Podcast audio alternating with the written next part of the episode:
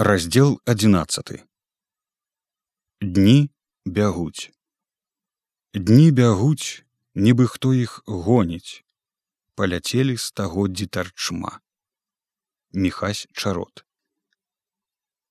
Таварыша Рома перанеслі са шпіталя святого Якуба ў літоўскую паліклініку. У яго зрабілася кровазліянне.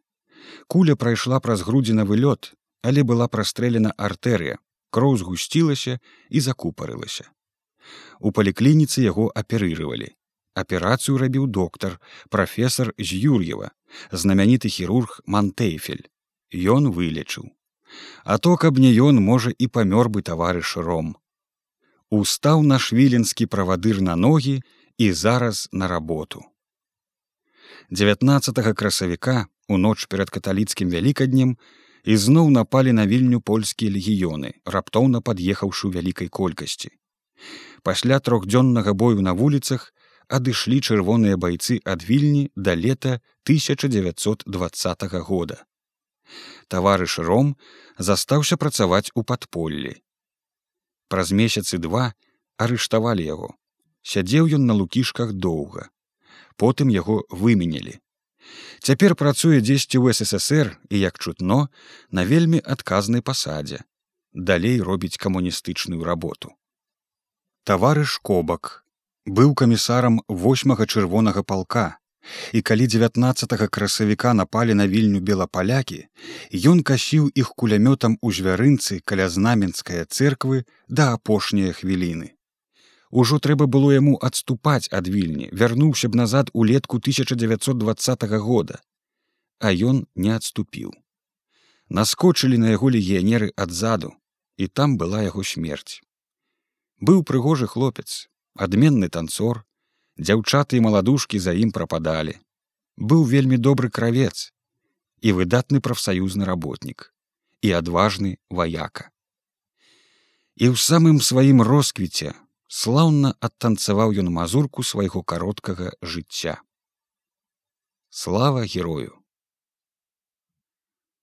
Улетку 1920 года, калі чырвоная конніца наляцела на вільню як стыхія, і на высокай замкавай гары на старыннай вежы ізноў узвіўся пераможны чырвоны сцяг, прыязджаў Тарас, заходзіў да вяржбіцкай.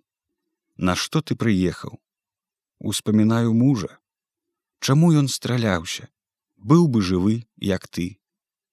Вусы ў тараса пасля падзей на вароней доўгі час былі няроўныя.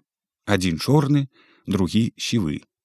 Потым зраўняліся, абодва ізноў сталі чорныя. Цяпер працуе тарас дзесьці ў ССР, здаецца ў мінску, далей робіць камуністычную работу. Дядька Туркевіч сядзеў на лукішках з красавіка 1919 года да пачатку 1920 года. Вясну, лета, восень і палову зімы. У вельмі цяжкіх умовах і за гэты час значна падупаў на здароўі. Бо марылі яго ў турме голадам, а перадач ніхто не насіў. Узімку 1919-1920 гадоў яго таксама выменялі і калі ехаў ён у савецкую рассію трапілася мне з ім бачыцца. На дарогу не прасіў ён у мяне хлеба а попрасіў даць яму калі маю жалейку янкі купалы. Здзівіўся я але схадзіў у беларускую кнігарню на завальную вуліцу купіў яму гэтую кніжку занёс перадаў. І з'ездзіла з ім жалейка ў оршу. Там ён працаваў да лета 1920 года А як толькі чырвоная армія забрала вільню, зараз вярнуўся на сваю старую, вельмі убогую кватэру на пагулянцы. Жыла там без яго толькі жонка, а дзеці былі ў прытулку беларускага таварыства помачы ахвярам вайны. Праз колькі год эміграваў дзядзька Туркевіч у ССР, жыў у мінску. Вельмі стараўся аднавіць сябе ў кампартыі, нават ездзіў казалі ў Маскву да таварыша Антановича. Але так і застаўся па-за партыяй. Прычына яго нейкія былыя каншахцікі з беларускімі нацыяналістамі ў вільні. Як той казаў, кагаток увяз всей птічкі прапасць. Сям'я яго цяпер таксама ў мінску, толькі не ўся. Старшую дачушку яго, Стасю Туркевіч, засудзілі ў вільні на катаргу. Хоць і расла стася нейкі час пад апекаю ксяндза Адама, але вырасла камуністкаю. Бацька мой перайшоў у кампартыю і добраю работаю загладзіў свае памылкі. У 1922 годзе падчас выбараў у сейм агітаваў ён за спіс нумар 5 саюза пралетарыяту гарадоў і вёсак і быў арыштаваны. Каля года праседзеў у розных польскіх турмах, нарэшце выпусцілі без суду. У восень 1923 года эміграваў у ссср і жыве ў мінску спярша працаваў на гарбарні а потым перавялі яго на пенсію. Піша каб мы ехалі да яго. А я думаю не ўсім жа туды ехаць трэба ж некаму і тут заставацца пакуль можна. І ўсё жаліцца што рэдка яму пішам. А мне ж часу бракуе бацька ты мой мілы. Віленскіх камунараў пісаў я пять гадоў. І вось мушу скончыць хоць так ужо як ёсць. Канец 31 снежня 1932 года.